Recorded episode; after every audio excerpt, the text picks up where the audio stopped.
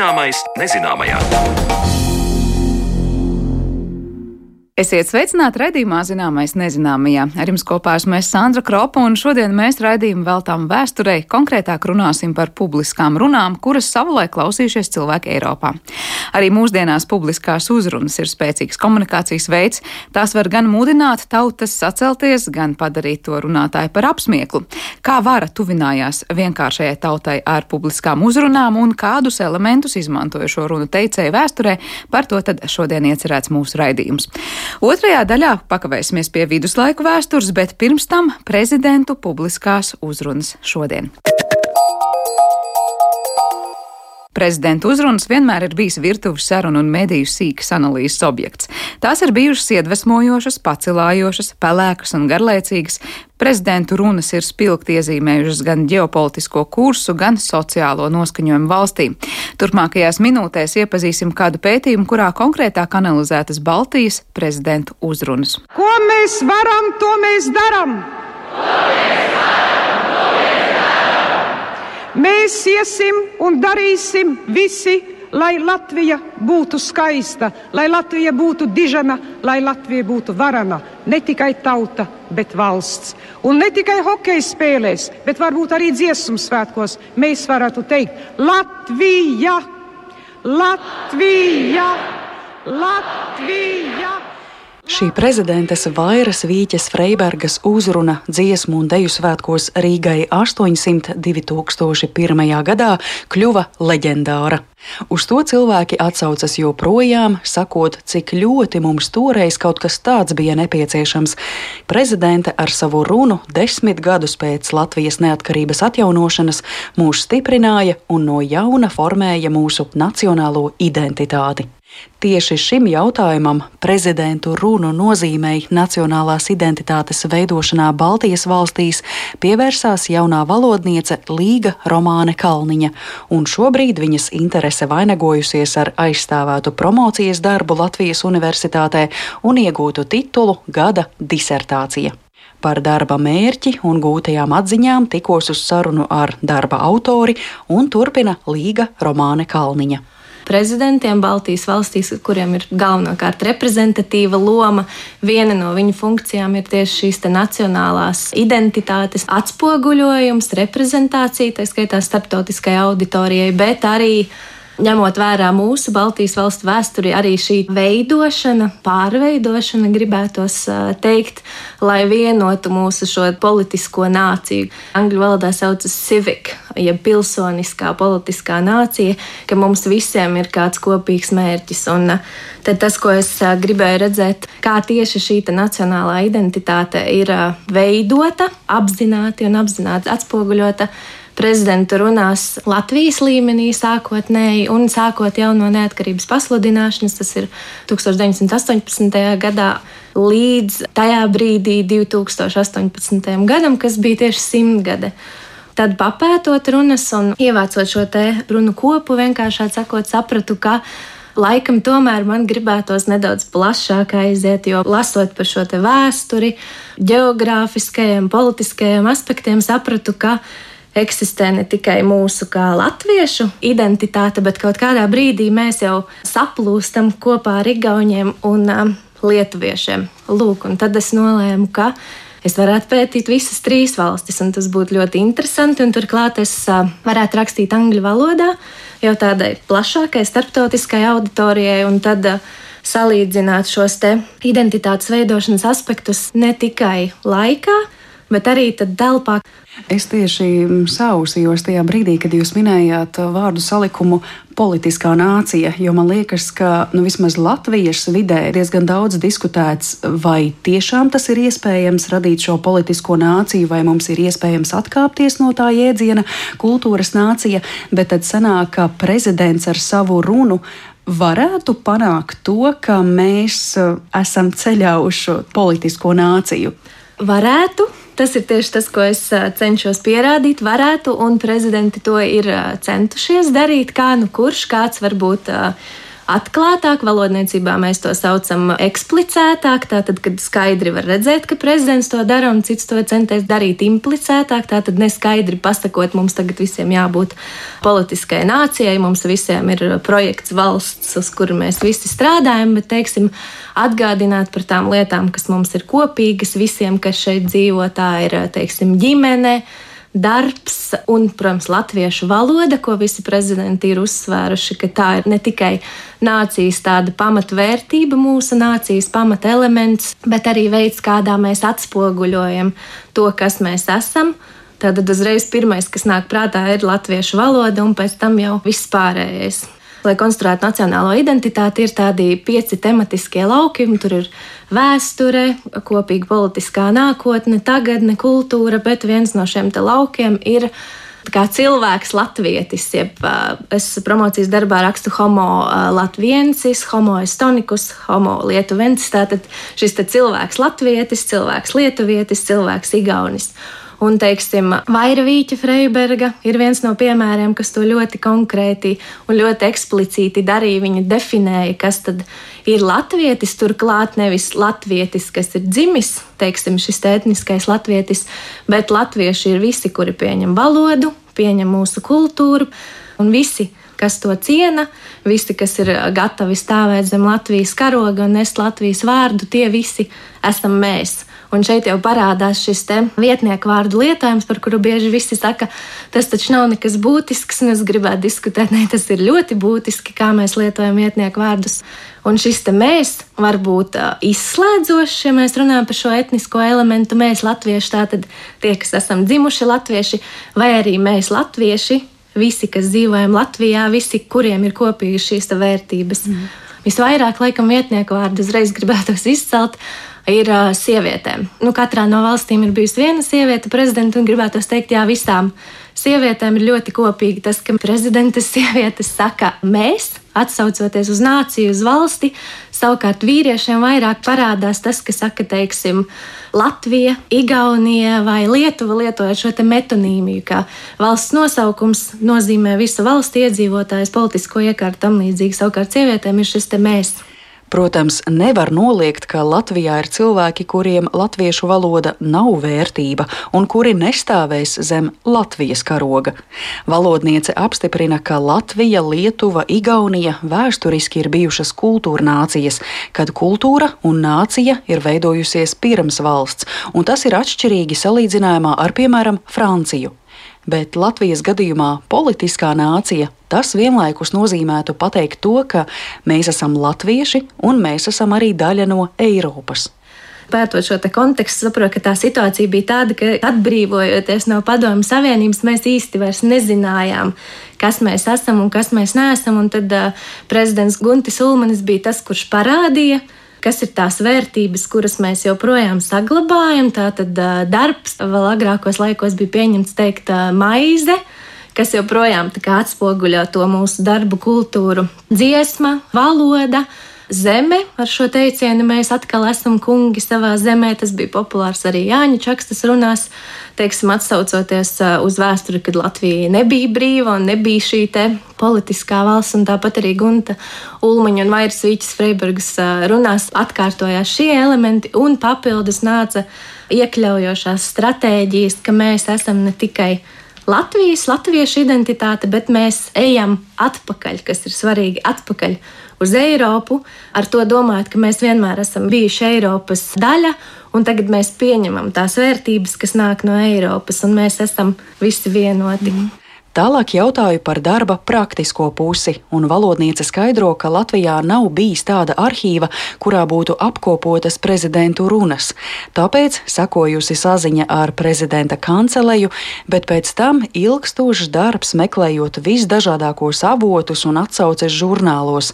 Tātad apkopotas runas gan rakstiskā, gan video un audio formātā, kam valodniece tad veikusi rakstiskas transkripcijas.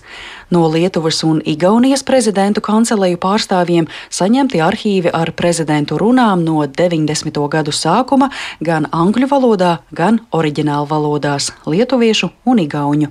Man bija iespēja šīs runas, visas manas apkopotās, transkribētās likt korpusā, ir tīmekļa vietne sketch engine, kur atpazīst šīs visas valodas. Un tad šis korpus man izvilka atslēgvārdus, kas jau parāda uz runu tēmām, teiksim, biežāk lietotajiem vārdiem. Un tad pēc šiem atslēgvārdiem es gāju konkrētajā runā un skatījos, teiksim, jā, re, kur ir latviešu valoda. Korpusā parādās tur, piemēram, salīdzinoši bieži. Un tad es skatījos šajās konkrētajās runās, kā šī latviešu valoda ir atspoguļota un uz ko viņi norāda. Un tad es tikai varēju saprast, vai tas būs vai nebūs saistīts ar identitāti, jau balstoties uz visām teorijām, kuras arī man ir apkopotas. Man promocijas darbā ir kopumā 414 runas, kas ir aptuveni pusmiljons vārdu, drusciņi vairāk. Varbūt tās runas, kas ir 20. gadsimta pirmajā pusē, nevar tieši un precīzi salīdzināt ar tām runām, kas ir šobrīd, jo tas konteksts ir pilnīgi mainījies. Un arī valoda pati par sevi ir mainījusies. Teiksim, Jāņa Čakstas runas salīdzinājumā ar Kārļa Ulmaņa runām, tur var just, ka viņas nav tik autoritāras ja viņas ir vairāk, mēs būvējam identitāti, koncentrējamies uz vieniem vai otriem elementiem. Savukārt Kārļa Ulmaņa runās parādās jau tieši tas, ka mums ir šis vadonis. Teiksim, viņš saka, nevis uh, tur Latviju tauta, bet mana tauta. Piemēram, Jānis Čakstas runās, nekas tāds īsti nav. Bet arī gribētu teikt, ka prezidentu runa nevienmēr atspoguļos prezidenta paša individuālo identitāti un to, kas prezidents ir. Jo bieži vien ir šis institucionālais, ir prezidenta kancelējas diskurss, kad runa tiek veidota padomnieki palīdz vai veido, un šis identitātes, nacionālās identitātes konstruēšanas mērķis paliek, bet tur varbūt nav tik daudz iekšā prezidenta personība. Līdz ar to, to es arī uh, centos noskaidrot, aicināju prezidentu uz intervijām, un tas bija viens no jautājumiem, kurus gribēju, gribēju saprast. Tad sanāk, ka iespējams šīs nacionālās identitātes veidošanā aiz prezidenta ārējā tēla piedalījušies arī kādi citi cilvēki. Ja? Jā, padomnieki vai mm. runa rakstītāji, un arī promocijas darba pielikumā ir uh, intervijas. Uh, un Lietuvas prezidenta Gitana Nausēdas padomnieks, kas tā arī pateica, ka viņš raksta šīs runas, un par prezidents pēc tam vienkārši nu, paskatās, kas viņam patīk, to viņš atstāja, kas nepatīk, to izmet ārā, varbūt kaut ko papildina, bet faktiski runas tieši Lietuvas prezidentam pašreizējiem ir rakstījis šis padomnieks teiksim, Lietuvas prezidenta padomniekam ļoti patīk vēstures tēma un runās tiešām to jūt, ka ļoti daudz salīdzinoši ar citiem prezidentiem, ļoti daudz tiek runāts par vēsturi.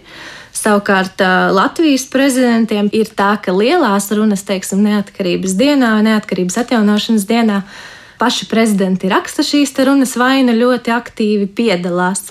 Mans darbs nav novērtēt, vai runa ir bijusi laba vai slikta pēc būtības, bet tieši no šī valodniecības skatu punkta man ļoti patīk. Uh, Guntulmaņa runas, man patīk Valde Zatlera runas un Vairas Vīķis Freibergs, ja mēs runājam par jaunāko laiku prezidentiem. Un es šķiet vienā no publikācijām arī rakstīju, ka šīs te runas, īpaši Vairas Vīķis Freibergs runas, ir kā resursu, lingvistisko resursu karnevāls. Tas nozīmē, ka, teiksim, tur ir visi šie lingvistiskās pārliecināšanas paņēmieni, kas palīdz ne tikai uzrunāt klausītāju emocijas, bet tie atsaucas un strādā ar mūsu kognīciju, ar mūsu domāšanu, teiksim, uzrunā mūsu vērtību ķēdes, kas mums ir, varbūt uzrunā mūsu kompleksus, kas Latvijas gadījumā mums ir, teiksim, ka mēs esam bijuši ilgi apspiesta tauta, un tas, ko Vairvīķa Freiberga darīja šajā savā runā, mēs esam vareni, mēs esam diženi, ko mēs gribam, to mēs varam, varam ko mēs varam, to, to mēs darām. Tas ir, teiksim, uzrunāt un apgāzt šo kompleksu, ka iepriekš kāds cits ir valdījis pār mums, mēs neesam varējuši to darīt, un tagad mēs to varam, un ne tikai viņa pati to apgalvo, bet eh, teiksim, tā jau vairāk no tādas psiholingvistikas, no, no psiholoģijas skata punkta viņa aicina to darīt. Skaļi, un tad, kad mēs paši to atkārtojam skaļi, un tas atkārtojums arī ir viens no lingvistiskajiem uh, paņēmieniem, ko dažkārt arī uzskata par manipulācijas paņēmienu, bet uh, mēs to varam lietot ne tikai negatīvi, kā tradicionāli uzskata, ka manipulācija ir negatīva, bet līdzīgi kā Vairvīķa Freiberga to darīja. Un uh, Igaunijas uh, prezidents Lenards Ferī arī to ļoti aktīvi darīja. Mēs varam to darīt uh, pozitīvi. Tas nozīmē, ka mūsu mērķis ir nevis gūt labumu sev, bet visai tautai. Un tad ar valodu mēs to tā varam, varam darīt. Bet, Līga, es jums nevaru nepajautāt vienu lietu. Jūs jau teicāt, ka jūsu disertācijas mērķis nebija pētīt to, cik runa pati par sevi ir veiksmīga vai neveiksmīga no tādas publiskās runas viedokļa. Nu, bet tomēr eh, Vaira Vīķa Freiberga nāk ar šo lielo pacēlumu, un eh, nenolieksim, arī viņa tika kritizēta sākumā par šo ārkārtīgi it kā patusaino runu. Ja? Mēs esam stipri, mēs esam vareni. Pēc tam seko Valdis Zatlers. Kas es esmu? Andris Bērziņš. Vai jūs sen nesat pa galvu dabūjuši? Ja? Raimons Vējonis eh, no sākuma jāierauj, un tad vēl šis leģendārais uzrunas gājiens dziesmu svētkos, kur dziesmu svētki pārtapa par Ziemassvētkiem, lai gan viņš pēc tam tik cilvēcīgi atvainojās, ka es taču arī esmu uztraucies. Nu, un tad vēl Egīls Levits, kurš televīzijā izteicās, ka nu, tie, kuri ir nomiruši, tiem Ziemassvētku nebūs. Protams, ar to domājot, ka ļoti žēl, ka cilvēki nesapotējās pret Covid-19. Tad man gribētos jautāt, vai šīs frāzes pērles katram prezidentam, vai tas kaut ko arī parāda par mums kā par nāciju, nu, nacionālo identitāti. Šie gadījumi, izņemot, piemēram, dziesmu svētku runu, ir tādi, kas ir, teiksim, intervijās. Tagad es ar jums runāju, un es varbūt biju sev prātā apdomājis, ko es gribētu teikt. Bet no atkarībā no konteksta, no tā, kā strādā uztraukums, varbūt manas smadzeņu aizmugurējā daļā, kas ir apslēptās zināšanas, nāk ārā kaut kas cits nekā es gribētu. Līdzīgi arī prezidentiem viņi tomēr ir cilvēki un tādā situācijā, kur prezidents ir uh, uztraucies, pat ja viņam vai viņai ir uh, tikusi sagatavota šī runa, līdzīgi kā tas notika dziesmu svētkos. Prezidentam var nākt ārā kaut kas uh, cits, bet, kā jūs pati pieminējat, un arī aptaujās parādās tas, ka cilvēki klausītāji šo ir uh, uztvēruši kā tādu līdzības pazīmi, laikam, ka prezidents tomēr atspoguļā mūsu kādi mēs esam. Mēs esam tikai cilvēki, arī mums gadās kļūdīties, kaut ko sajaukt. Līdz ar to izskatās, ka vairumā gadījumu konkrētas prezidenta vējoņa runām tā attieksme nav bijusi tik negatīva. Nu, tas eh, sasaucas ar to, ka viņi ir daļa no mums, un tas arī kaut ko parāda par nacionālo identitāti. Jā, tieši tā. Jā. Kaut arī mums uh, Igaunija un Latvijai mēs neievēlam paši prezidentus, tos ievēl mūsu tautas uh, priekšstāvi, bet mūsu vēlēti. Līdz ar to pastarpināt mēs varam teikt, ka arī prezidents lielākā vai mazākā mērā atspoguļo to, kādi esam mēs paši.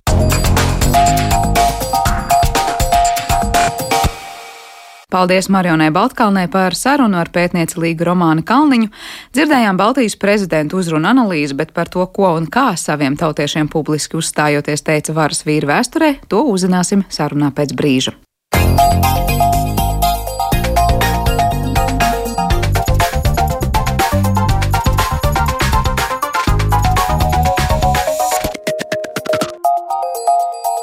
Zināmais nezināmajā.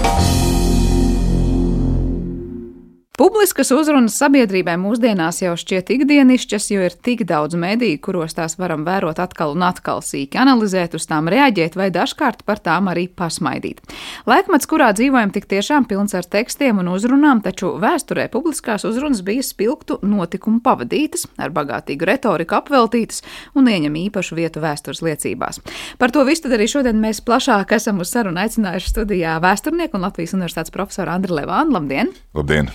Andris mums vairāk pārstāv uh, viduslaiku vēstures posmu, lai gan par publiskajām runām parasti vismaz man liekas, ka ir ierasts domāt, nu tad tie antīkie laiki, tur Cicerons un visi pārējie. Droši vien tiksim arī līdz tam, bet es saprotu, ka pirms, nu jau jāsaka, nedēļas notika Latvijas Universitātes konference par publisko runu Eiropas kultūras tradīcijā un vēsturiskajā mainībā ar tādu ļoti interesantu nosaukumu, kā klausies manos vārdos. Es saprotu, daudz arī vēstures sekcijā tika runāts par publisko runu dažādos laikos. Jautāšu jums, kas mudināja sīkāk pievērsties publiskās runas aspektiem vēsturē un cik ļoti šī tēma ir pētīta dažādos laikos. Jā, ziniet, Sandra, varētu tā domāt, ka mēs reaģējam uz to, kas jau notiek. Es domāju, mēs drīzāk reaģējam ar šo konferenci uz to, kas nenotiek. Citiem vārdiem sakot, nav gluži tā, ka publiskā runa, kā tik tiešām kā Eiropas kultūras fenomens, tiktu ļoti daudz, piemēram, vēsturnieku vidū pētīts vai arī citās nozarēs. Labi, mēs zinām, ka eh, teiksim, komunikācijas zinātņu nozares pārstāvji, eh, klasiskie filologi, eh, iespējams tik tiešām kādā savas darbības vai interešu brīdī vai posmā šim jautājumam par publisko runu, kā komunikācijas formu pievēršas. Taču, ziniet, skatoties tiem pētījumiem, kāda ir mūsu rīcībā šobrīd, 21. gadsimta, es negribēju teikt nogalē, bet 21. gadsimta pirmajā pusē, to nav nemaz tik daudz. Bet tāpēc, ka avotu ir maz, vai iespēju pētīt maz, vai pašu pētnieku maz? Es domāju, ka drīzāk tāpēc, ka acīm redzot, publiskā runa ir uztverta drīzāk kā tekstuāla liecība, kā sastindzis, nu, teiksim, tā, fiksēts objekts, Eh, mums vairs nav runātāji, respektīvi, mēs nedzirdam, piemēram, Cicero balsi. Mēs neesam liecinieki tam, kā viņš ir gestikulējis, vai tieši otrādi, varbūt viņš bez žestiem stāvēja kā sālstaps un teica savas slavenās runas, piemēram, Katalīnas gadījumā. Jebkurā gadījumā ir tā, ka tas ir mānīgi tas ir mānīgi, ka šis temats būtu bieži pieminēts vai tiktu daudz pētīts. Kaut gan mums visapkārt ir tik daudz publiskās runas piemēru, gan pagātnē, sākot jau no, no Platona laika, Sokrāta un, un, un Aristoteļa, kas ir, varētu teikt, klasika ar Aristoteļa retoriku, jeb runas mākslu, un līdz mūsdienām, kur mēs redzam, cik daudz ir tādu situāciju, kur publiskās runas patiešām ir ir, varētu teikt, tādi notikuma katalizatori, uh, lielu notikumu, ļoti būtisku notikumu katalizatori. Mēs esam liecinieki tam, kur ir lūk šie runu, publisko runu teicēji. Un ikreiz mēs arī, mm, ja mēs kaut nedaudz panelizējam tās situācijas, kurās šīs runas tiek paustas, teiktas, tad mēs redzam, ka tās ir tie ir brīži, kad acīm redzot, runātājs, kurš pārstāv kādu konkrētu kopienu un uzrunā konkrētu kopienu, tad uh, mēs redzam, ka tas ir saistīts ar leģitimitātes deficītu. Tas nav gluži tā, ka mēs mm, publisko runu atrodam tajā brīdī, kad mums uh, visa ir gana. Mums ir pietiekoši naudas, mums ir pietiekoši pārtikas, mēs esam droši, uh, mēs esam apčubināti, uh, un mums ir labi draugi. Eh, kuri mūs uzklausa un atbalsta. Un arī tad, kad ir vajadzīgs mierinājums, drīzāk jau pretējais. Var teikt, krīžu brīžos ir bijušas tādas uzrunas. Un... Eh, tie, ir, tie ir vairumā gadījumi, tās ir krīzes. Iespējams, tās ir krīzes, par kurām skaļi tajā brīdī neviens vēl nerunā. Taču runātāji ļoti labi zina, ka draugi nav labi. Bet kas ir šie runātāji? Nu, protams, kā kurā laikā, vai mēs uzreiz varam teikt, ka tie ir tādi Eh, nu, par viduslaikiem. Vispār es nezinu, cik daudz mēs zinām, cik daudz bija to teicēju un kas viņi bija. Vai tie bija paši valdnieki, vai tie bija speciāli, nu, var teikt, apmācīti ļaudis, tuvu stāvoši valdī, valdniekam, kas runāja viņu vārdā, vai savukārt, nu, kāda, kāda bija tā publiskā komunikācija un par, komunikātori? Par, jā, par, par viduslaikiem runājot, eh, par viduslaikiem runājot ir tā, ka um, pirmkārt jau, uh, ja mēs paskatāmies tiešām, kas ir tie runātāji, tad mēs ļoti labi redzam, ka, protams, tie ir uh, cilvēki, kurus mēs varētu saukt par līderiem, vai cilvēki, kuri um, ir atbildīgos amatos, kuri ir saistīti ar publiskās atbildības jomu, lai kur tā būtu. Mēs varētu teikt, sākot no pāvesta un beidzot ar vienu birģermeistaru pilsētā, kurš atbild par kopienu un kopienas kopīgo labumu. Tad, uh, jā, Tie ir, tie ir cilvēki, kuri kaut kāda iemesla dēļ ir nonākuši tajā atbildības situācijā, kad acīm redzot, no viņiem gaida atbildību un kaut kādu veidu pozicionēšanos. Tas nozīmē, ka kādā brīdī viņam ir jāuzrunā tie, iepratī kuriem šis cilvēks ir atbildīgs. Nu, tātad tas var būt jebkurš, par kuru mēs teiktu, tas ir uh, līderis, uh, tā ir, mm, ir persona, kurai kopiena ir deleģējusi acīm redzot šo atbildību. Tas nozīmē, no viņas sagaida arī aktīvu rīcību. Tajos brīžos, kad lūk, ir nepieciešams kāds lēmums, kāda izšķiršanās, un eh, mēs redzam arī, ka lūk, tajā brīdī, kad šis lēmums eh, ir jāpieņem, ka ir acīm redzot, ir jārīkojas atbilstoši kādam rīcības modelim tad lūk, arī tiek sagatavotas, tiek sagatavotas šīs runas. Uh, un tad, protams, ir tas jautājums ar vienu viduslaika gadījumā, vai šīs runas tik tiešām ir ļoti rūpīgi iepriekš sagatavots, vai tās ir spontānas, spontānas runas, kā piemēram, ja mēs paskatāmies uz 1962. gadu, Kubas krīze, tad ir jautājums, vai tās daudzās publiskās runas, kas tika uh, teiktas arī Hruščova gadījumā, cik lielā mērā tas ir sagatavots, iestudēts šausmas. Uh, un cik lielā mērā tam ir spontāns raksturs. Tad mēs varam teikt, ka viduslaikos droši vien notika tas pats, kas 20. gadsimtā, uh, kuru mēs varam redzēt, dzirdēt. Nu, mums ir daudz tuvāk šis gadsimts, tīri kaut kādā veidā. Tas pats ziņā. nē, bet līdzīgi iespējams. Jo tik tiešām, lai, uh, lai būtu nu, teiksim, tā, tā kapacitāte vienai personai teikt spontāni, ļoti kvalitatīvu, aizraujošu uh, runu, uh, respektīvi arī to pateikt tā, lai tā sasniedz savu mērķi. Tas ir, lai to sadzird klausītājs, jo var gadīties, ka klausītājs klausās, bet viņš nedzird. Vai viņš nesaprot? Tad tas nozīmē, ka uh, šim cilvēkam nu, tomēr ir šī retorika, respektīvi šī runas māksla, ir uh, jāpārvalda. Tas eh, nozīmē, ka viņam ir jābūt ļoti skaidriem lūk, šiem uh, satura pieturas punktiem, uh, uz kuriem balstīsies viņa vēstījums, un kas ir jāsadzird uh, viņa klausītājiem. Un, uh, viduslaiku gadījumā, nu, ja mēs paskatāmies ja par viduslaiku posmu runājot, šīs situācijas ir ļoti daudz un dažādas. Mēs redzam, tur ir gan ir tiesu runas, gan runas, kas ir saistītas arī ar aizstāvību. Uh, kādā gadījumā, kas varbūt nav nebūtu tiesa. Tieši tāpat arī sprediķis, liturģija ir arī tās situācijas, kurās mēs piedzīvojam vai pieredzam lūk, šīs publiskās runas, jau konkrēti rituāli ietvaros.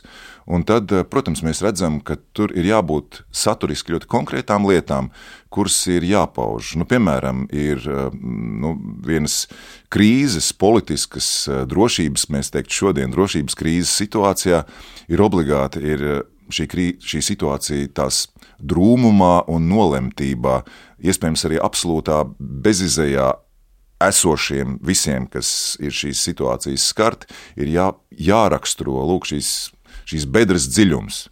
Tātad ir jāpas, jāpasaka, cik ir slikti pie tam, ar to ir par maz.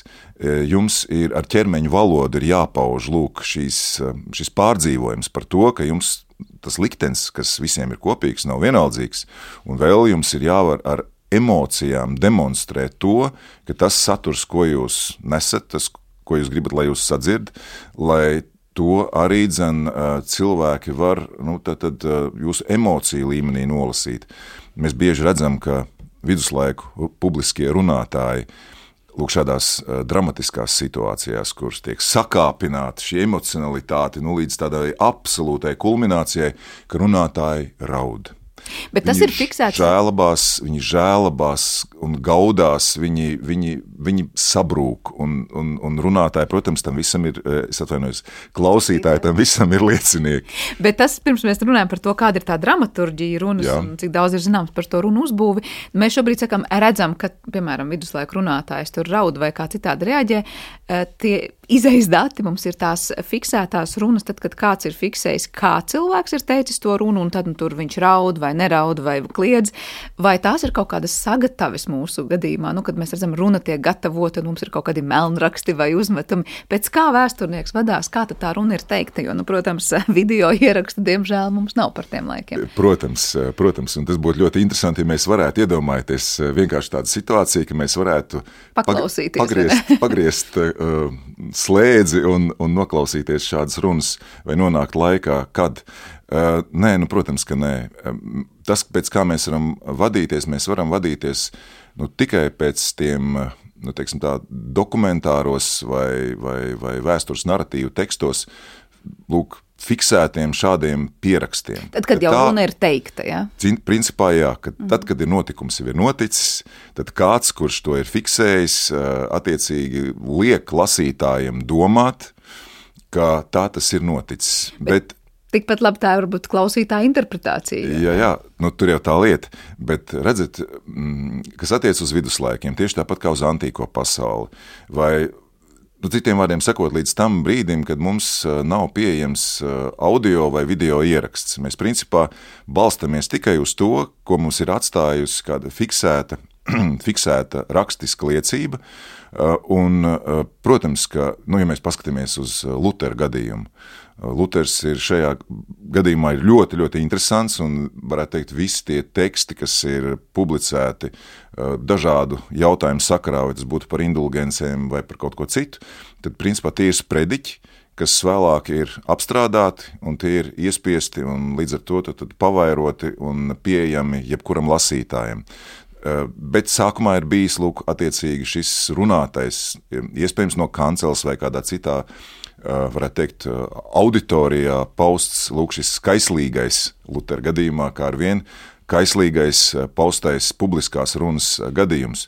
Bet runājot par, nu, piemēram, 14. vai 15. gadsimtu, tad tas, kurš to ir rakstiski fiksējis, ir centies, protams, šajā rakstiskajā fiksācijā saglabāt formu saglabāt formu un, acīm redzot, arī būtiskākos satura elementus. Tas, ka mēs redzam, ka šīs runas, nu, piemēram, kādā notāra sagatavotā dokumentā vai, piemēram, kronikā, tas tiek fiksēts kā tiešā runa. Un, jebkurā gadījumā, ja mums kādā viduslaiku tekstuālā liecībā ir fiksēta tiešā runa, mēs varam pavisam droši teikt, tā ir fikcija. Tas nav tas, kas ir noticis patiesībā. Tas, kas ir izlasāms, ir tas, ko rakstītājs grib, lai mēs uzzinām. Ka tas notika tieši tā, ka ir teikts tieši tas. Um, jautājums ar vienu ir tad, tajā gadījumā, bet kas tad tika patiesībā teikts? Un te vajadzētu varbūt skatīties uz šo uh, nu, ar, nu, tiešām ļoti pragmatiski. Jo pirmkārt, uh, labi, uh, no vienas puses mēs sakām, tā ir fikcija, No otras puses, šai fikcijai ir kaut kāda ļoti konkrēta funkcija tajā brīdī, kad uh, tas dokuments vai kronika ir uzrakstīti. Proti, kā jau es teicu, tas kalpo leģitimitātes deficīta mazināšanai. Tas nozīmē, ka tas fakts iespējams nav um, varbūt apstrīdams kā uh, nenoticis. Proti, ka uh, piemēram Rīgas birģermeistars um, Hinriks Meije būtu 1000 1330. gada pavasarī pilsētas kopienu uzrunājis ar tādiem un tādiem vārdiem, kurus notārs, pilsētas notārs ir fiksējis attiecīgi kādā dokumentā. Eh, ir šķiet, eh, nu tad, mums nav nekāda iemesla eh, apšaubīt to, ka būtu notikusi šāda situācija. Protams, mēs varam šaubīties par saturu, Taču būtiskākais laikam ir tas, ka tiek parādīta tā dramaturģija, tiek uh, uzrakstīti vai fiksēti paši būtiskākie šīs iespējamās runas satura elementi tad mēs sanāk tā visu laiku tā visu paturam prātā, ka mēs lasām kaut kādu avotu, bet domājam, ka iespējams tā runa tāda nemaz netika teikta, vai tas tieši tā. Bet cik daudz mums ir zināms par to dramaturģiju, nu vai mēs varam teikt, ka tās runas tika būvētas pēc noteikta principa, vai cilvēki sekoja līdz to laiku viduslaikos kaut kādām antīkajām, nezinu, runām, kā paraugu vai kā citādi izmantoja? O jā, jo, nu, piemēram, 14. gadsimta pirmās puses Rīga iedomāsimies, mēs nonākam tātad tālā, tālā pagātnē. Situācija ir kāda, ir dramatisks, ļoti dramatisks konflikts starp Vācu ordeni Livonijā un Rīgas pilsētu.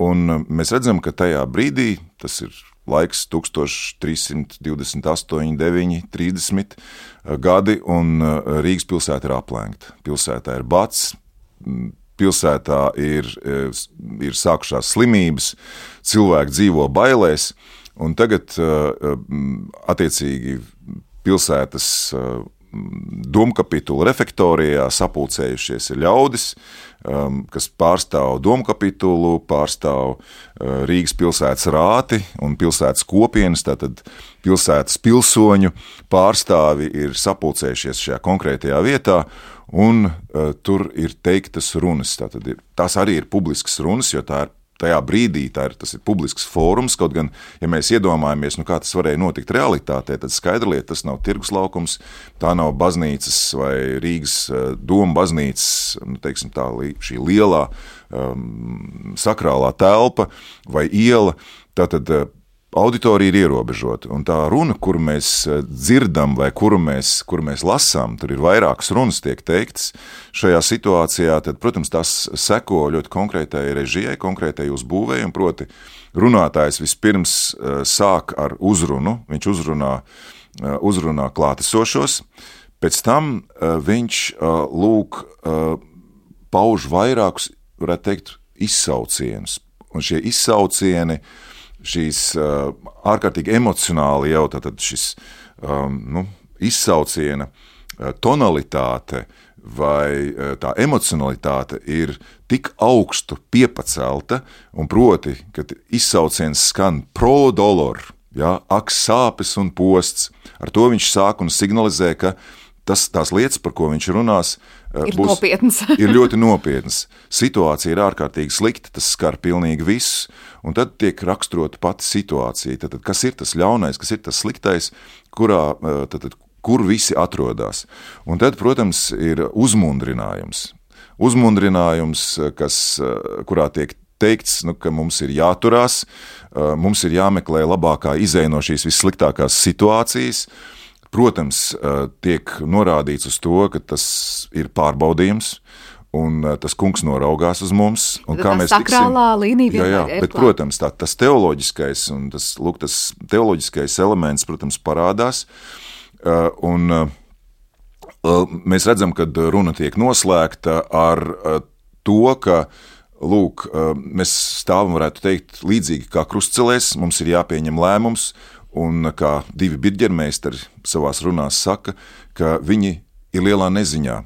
Viņi saprot, ka ir jāuzņemas atbildība, bet tas, ko viņi gaida, viņi gaida atbalstu šajā grūtajā brīdī, šajā lēmumu pieņemšanas situācijā, kur ir nepieciešams atbalsts no tātad, šīs pilsoņu kopienas, kura beigu galā arī uzņemsies, jo runa ir par to, par ko runa ir par to, ka visi šajā brīdī uzņems atbildību par pieņemtajiem lēmumiem un attiecīgajām izvēlēm. Tas nozīmē, ka mēs, ja mēs sekojam to runu uzbūvēja, tās ir ieturētas, varētu teikt, tādā ļoti klasiskā garā, līdzīgi kā tās kā ir veidotas, piemēram, Cicero runas, kuras ir, protams, mēs arī tikai pazīstam no tā, kā pats kādā redakcijā tās ir sagatavojis un atstājis Cicero un vēlāk, teiksim, humanismu laika autori. Eh, tās eh, nu, nosacīt, sakot, restaurējot.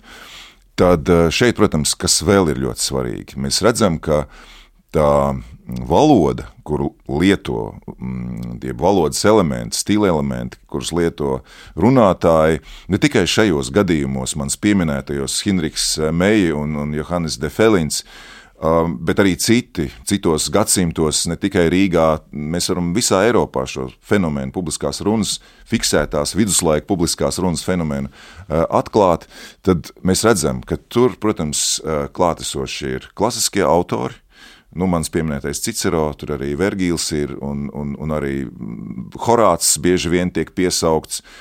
Piesaukts tieši nē, bet piesaukts tik tālu, ka tie ir, varētu teikt, citāti no šiem autoriem. Tad, protams, ir, uh, ir bibliskie, bibliskie teksti, kas ir atstājuši ļoti dziļus nospiedumus. Galvenokārt tie ir evaņģēlisti, kur tiek piesaukt arī ar citu. Arī Jāņa atklāsmes grāmatu fragmenti tiek citēti, uh, ja ne citēti, tad parafrazēti. Uh, kāpēc? Tāpēc, ka mēs redzam, ka lūk, tas noskaņojums, ko runātāji uzbūr šādās krīzes vai krīžu situācijās, nu tā ir apakalipse, kas tuvojas. Tas ir tas apakali, apakalipses noskaņojums, par kuru, um, par kura klātbūtni, acīm redzot, nu nešaubījās vairs neviens, kas bija, tas, šis, šī sajūta bija jākomunicē.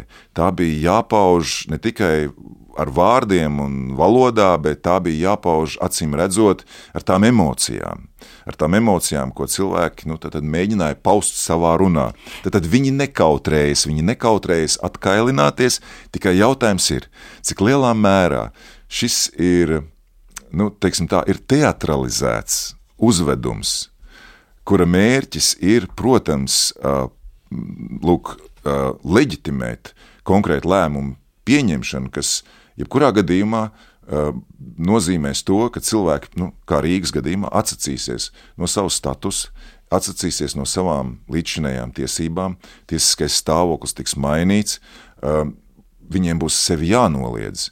Viņiem būs lielā mērā arī jāzaudē savu, mēs teiktu, šodien savu suverenitāti. Tā būs jāuzdod um, es atvainojos, jāuztic kādam citam. Un, lai to visu atvainojos izdarītu, tad mēs varam spriest, tai runai bija jābūt tiešām spēcīgai, jo citādi cilvēki uz kaut kādiem tādiem soļiem neparakstītos. Uh, tieši tā, tai ir jābūt patiešām ļoti ietekmīgai runai, uh, tādai, kurai notic klausītāji, ka Tā ir vienīgā izvēle. Mēs runājam jā, par to atsaucu uz sakrālo, uz antīko, uz citātiem, uz daudz ko citu, uz šīm emocijām. Cik daudz tādā mūsdienu izpratnē skatoties, šobrīd mēs teiktu, tur bija vieta arī tādiem faktiem un varbūt nu, tiešām tādām konkrētības lietām, vai tās vairāk bija tādas tiešām tādas populistiskas pat runas, var teikt, kur vairāk uz emocionālo, uz vispārināšanu, un mēs varētu teikt, tie bija tādi klasiski, nu, tāda tipa runu piemēri. Uh, jebkurā gadījumā tik tiešām ja mēs balstīsim tikai uz Uh, nu, tā, mēs būsim harizmātiski, mēs būsim aizrautīgi, mēs ar emocijām, ar emociju palīdzību mēs uh, kādu saraudināsim, tad uh, iespējams ar to būs par maz. Tajās situācijās, kad runa ir par tiešām eksistenciāliem jautājumiem, un proti jautājumiem, kas ir saistīti ar satversmi, ar tiesībām, ar, um, ar badu, nāvi vai, vai, vai šī stāvokļa, šīs krīzes stāvokļa novēršana, tad, protams, cilvēki gaidīs arī faktus. Nu, kā piemēram, šajā konkrētajā situācijā, 1330. gadā, um, viens no uh, Rīgas birģermeistariem, kurš starp citu, kurš sevi sauc par senatoriem, un tas nav arī nejauši. Tas ir tik tiešām tā ir tāda lūk, šīs senās Romas senāta imitācija, kas viduslaikiem starp citu nav sveša. Tad lūk, šis senators, viņš ir senators un konsuls, kā viņš tiek sevi apzīmē, ka lūk, viņi operē arī ar tādiem faktiem, kas šķiet ļoti pārliecinoši. Proti, ka viņi saka, ka Rīgā ir palikuši tikai 3,5 lasti graudu, kas ir patiesībā ļoti, ļoti maz.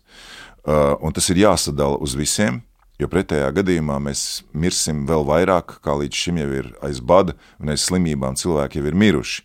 Tas nozīmē, ka tajā brīdī lūk, eh, ir eh, Rīgas rāta ir devusi rīkojumu, ka rāts vārdā eh, pilsoņi pārbauda savus krājumus, un tiem, kam šie krājumi vēl ir jau kādi saglabājušies, tad rāta lūk piedāvā opciju. Rāta izpirks šos krājumus, lai sadalītu tiem, kam nav, tad, tad lūk, šis, varētu teikt, publiskās kopatbildības uzņemšanās gadījums, taču rātī nav naudas. Un tas, ko viņi saka, mēs šo naudu jums atgriezīsim ar uzviju. Taču tajā brīdī, kad mēs būsim pārvarējuši šīs grūtības, un kad mums šī nauda būs, un kad cilvēki būs atkal pāēduši un atgriezīsies dzīve normālās sliedēs, respektīvi, tātad mēs tad redzam. Atdodiet graudus šobrīd pret solījumu, ka kaut kad mēs jums par to samaksāsim. Tieši tā, nu, mēs jau redzam, ka šī situācija kaut kādā mērā atgādina mums to, ko mēs arī piedzīvojam tagadnē. Respektīvi, kad runa ir par uh, finanšu resursiem, kuri mums pietrūkst, tad mēs arī meklējam to, kur mums kāds varētu aizdot. Protams, šodien ir institūcijas un mehānismi, kur nav lūk jālūdz privātu personām konkrēti, taču arī, ja mēs paskatāmies akcija uh, dod pieci, darbojas pēc šī principa, kur mēs uzrunājam atsevišķus individus, kuri kuriem ir ar ko dalīties, tajā brīdī dalās ar tiem, kuriem nav. Un šis princips, acīm redzot, ir, ir tāda kultūras tehnika, kur cilvēki, acīm redzot, ir atklājuši jau tālu, tālu senatnē. Tālu senatnē, jā, un šobrīd par to, kā uzrunāt cilvēkus to darīt, protams, arī nu, viena lieta, protams, no ziedojuma un labdarības akcijas ir mazliet cits stāsts. Nevis tad, kad saka, mums ir iestājies visiem pilsētā bats un tūdaļ visi mirsim. Bet mums eh, drīz būs jāliek punkts sarunai. Es gribēju vēl paspēt uzdot divus jautājumus. Viens vai šos runas paudējus teicējus kā īpaši apmācīja, vai mēs varam teikt, ka parādās viduslaikos tāds amats, kurš var teikt apmāca kā tās runas teikt, lai tās būtu iedarbīgas, gan no runas sagatavošanas, varbūt viedokļa raugoties to saturisko pusi, gan arī tīri to dikciju, retoriku vispārējo.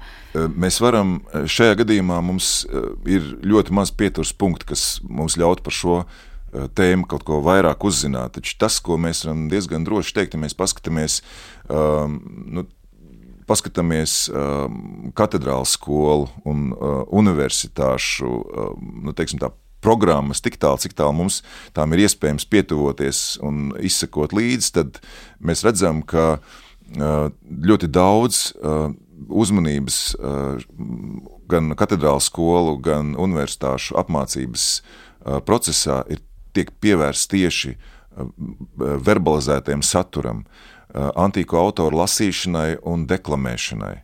Tad tas ir tas pats galvenais. Nu, piemēram, vienā, vienā klosteru skolā jūs sākat savu izglītību ne jau ar to, ka jūs velkat burtus un sākat rakstīt, bet jūs sākat ar runāšanu. Tad jums ir jārunā, jums ir jālasa skaļi, un jums ir jāprot ir arī runāt šos tekstus no galvas. No jums gaida izteiksmi, no jums gaida emocijas, tad, runai ir jābūt ar vienu emocionālai. Tas ir viens no pamatnosacījumiem, lai jūs tekstu varētu atbilstoši tā saturiskajam un emocionālajam vēstījumam nolasīt, deklamēt. Un tie ir, varētu teikt, tik tiešām tie principi, uz kuriem arī viduslaikos atdarinot un turpinot antīkajā pasaulē iedibinātās lūk šīs publiskās runas, tekstu lasīšanas un deklamācijas tradīcijas, kas tika ievērotas ļoti, ļoti stingri, neatkarīgi no tā, kāda bija cilvēka karjera. Tad var teikt, tas ir tāda vispārēja apmācība. Tā ir, tā tas ir izglītības, tas ietilps izglītībā, izglītības pamatos. Un tajā laikā tad mēs nevaram runāt par to, ka ir tādi, nu, kā mēs mūsdienās teiktu, runas vīri vai, vai, vai šīs sabiedrisko attiecību personas, kas ir tie, kas ir deleģēti kāda vārdā valdnieka vai, vai, vai Protams, ir, veikt runas. Ir, ir, tas ja ir amats, kuru apgūst. Tas ir amats eh, vai apgūst. Iespējams, ka šeit runa atkal ir par eh, pirmkārt eh, šiem izglītības pamatiem, un tad, protams, tas ir cilvēka dāvans un viņa protams, paša izaugsme, kā mēs teiktu šodien, cik daudz viņš ir lasījis, cik daudz viņam ir bijusi iespēja izpausties kā, nu, piemēram, dzēniekam vai, vai runu rakstītājam un teicējam. Nu, mēs redzam, pilsētās tie ir sindiki.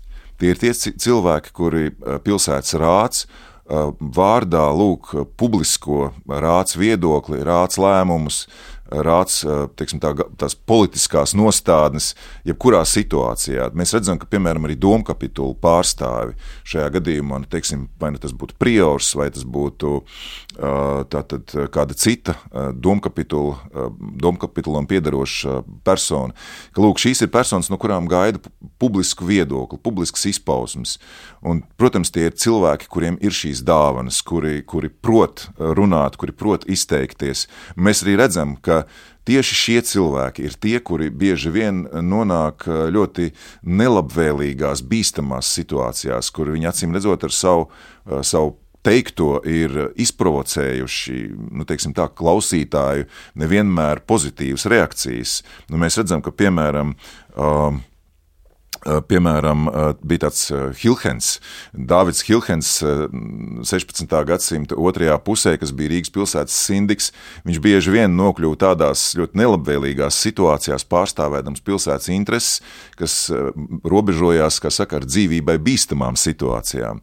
Un beigu galā tas rezultējās pat 1600. gadā ar to, ka viņš bēga no Rīgas pilsētas, jo rāds, jaunā rāds, jeb tā saucamā opozīcija, um, piesprieda Hilhenam uh, nāves sodu. Par viņu uh, izteikumiem? Par viņu izteikumiem, par viņa publiskajiem izteikumiem. Te mēs tā. nonācām pie tā otrā jautājuma, bet, nu, patiesībā daļai jau atbildējāt pavisam īsi, kādas bija tās attieksmes tālāk pret tiem paudējiem runu, vai tās vienmēr bija tādas, nu, tad cilvēks aizrāva un aiz sevis, var teikt, panāca to vēlamo efektu, var teikt, tās masas, vai, vai atkal tie, kas bija izmeklēti klausītāji, pieņēma tos vēlamos lēmumus, vai bieži notika tā, kā jūs tikko minējāt, cilvēks ir spiests bēgt, vai viņu pat izraida no sabiedrības, vai viņš kļūst par apsmieklu.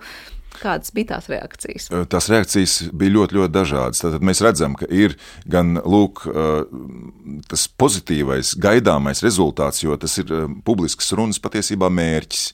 Mm, jo nu, tas, gal, tas galvenais ir, tā ir apelācija, tas ir aicinājums. Tas ir aicinājums ieklausīties, tas ir aicinājums sekot, tas ir aicinājums atbalstīt, atbalstiet mani. Jo tas, ko es jums saku, tas viss ir patiess. Tas viss ir no sirds, tas viss ir tikai un vienīgi jūsu dēļ. Bet, eh, protams, eh, tā reakcija jau var būt arī tāda, ka eh, tā ir noliedzoša, tā ir agresīva. Jo iespējams ir arī tas, ka runātājs tīši provocē klausītājs uz lūk aizdomāšanos, uz sava stāvokļa ļoti kritisku izvērtēšanu, kas tajā brīdī nevēršas pret to, kas ir iespējams šī stāvokļa vaininieks, teiksim, tā, bet kas ir tieši tajā brīdī attiecīgi šis, šīs vainas uh, diagnosti, diagnostikas autors. Proti, tas teicējs būs tieši tas, tas teicējs. To jā. problēmu un cilvēku vēršas pret runas paudēju, nevis pret to, kurš to situāciju tieši radīs. Tā, jā. jā, nu interesanti līkloči, paklausoties to, kādas runas un kā ir teikuši cilvēki senatnē un netik tālā senatnē un pavisam senos laikos, un skaidrs ir viens, ka ir kaut kādi elementi, kas ir gājuši gadsimtiem tiešām nu, pārņemti no, no viena vienu uz otru. Un, un interesanti izsakot šim formātam, ko jūs ilustrējāt arī sarunas gaitā, un skaidrs arī par to, ka tie mērķi, kā nu kurā reizē tika sasniegt, netika sasniegt, un runa paudējiem dažādos gadsimtos ir klājies visādi. Paldies, ka ieskicējāt šīs te publiskās runas un ar to saistīto pētniecisko aktualitāšu dažus jautājumus mūsu raidījuma studijā. Vēsturnieks Latvijas Universitātes profesors Andris Levāns pie mums šodien viesojās, un es teikšu paldies par to, un paldies arī visiem paldies. klausītājiem. Par šo raidījumu parūpējās producenta Paula Gulbīna. Minska mūzikas redaktors Girds Bišs, skaņu režijā bija Ilgs, bet šeit cānava un studijā es Sandra Kropa un vēlot visiem jauku dienu no jums atvedos. Visu labu!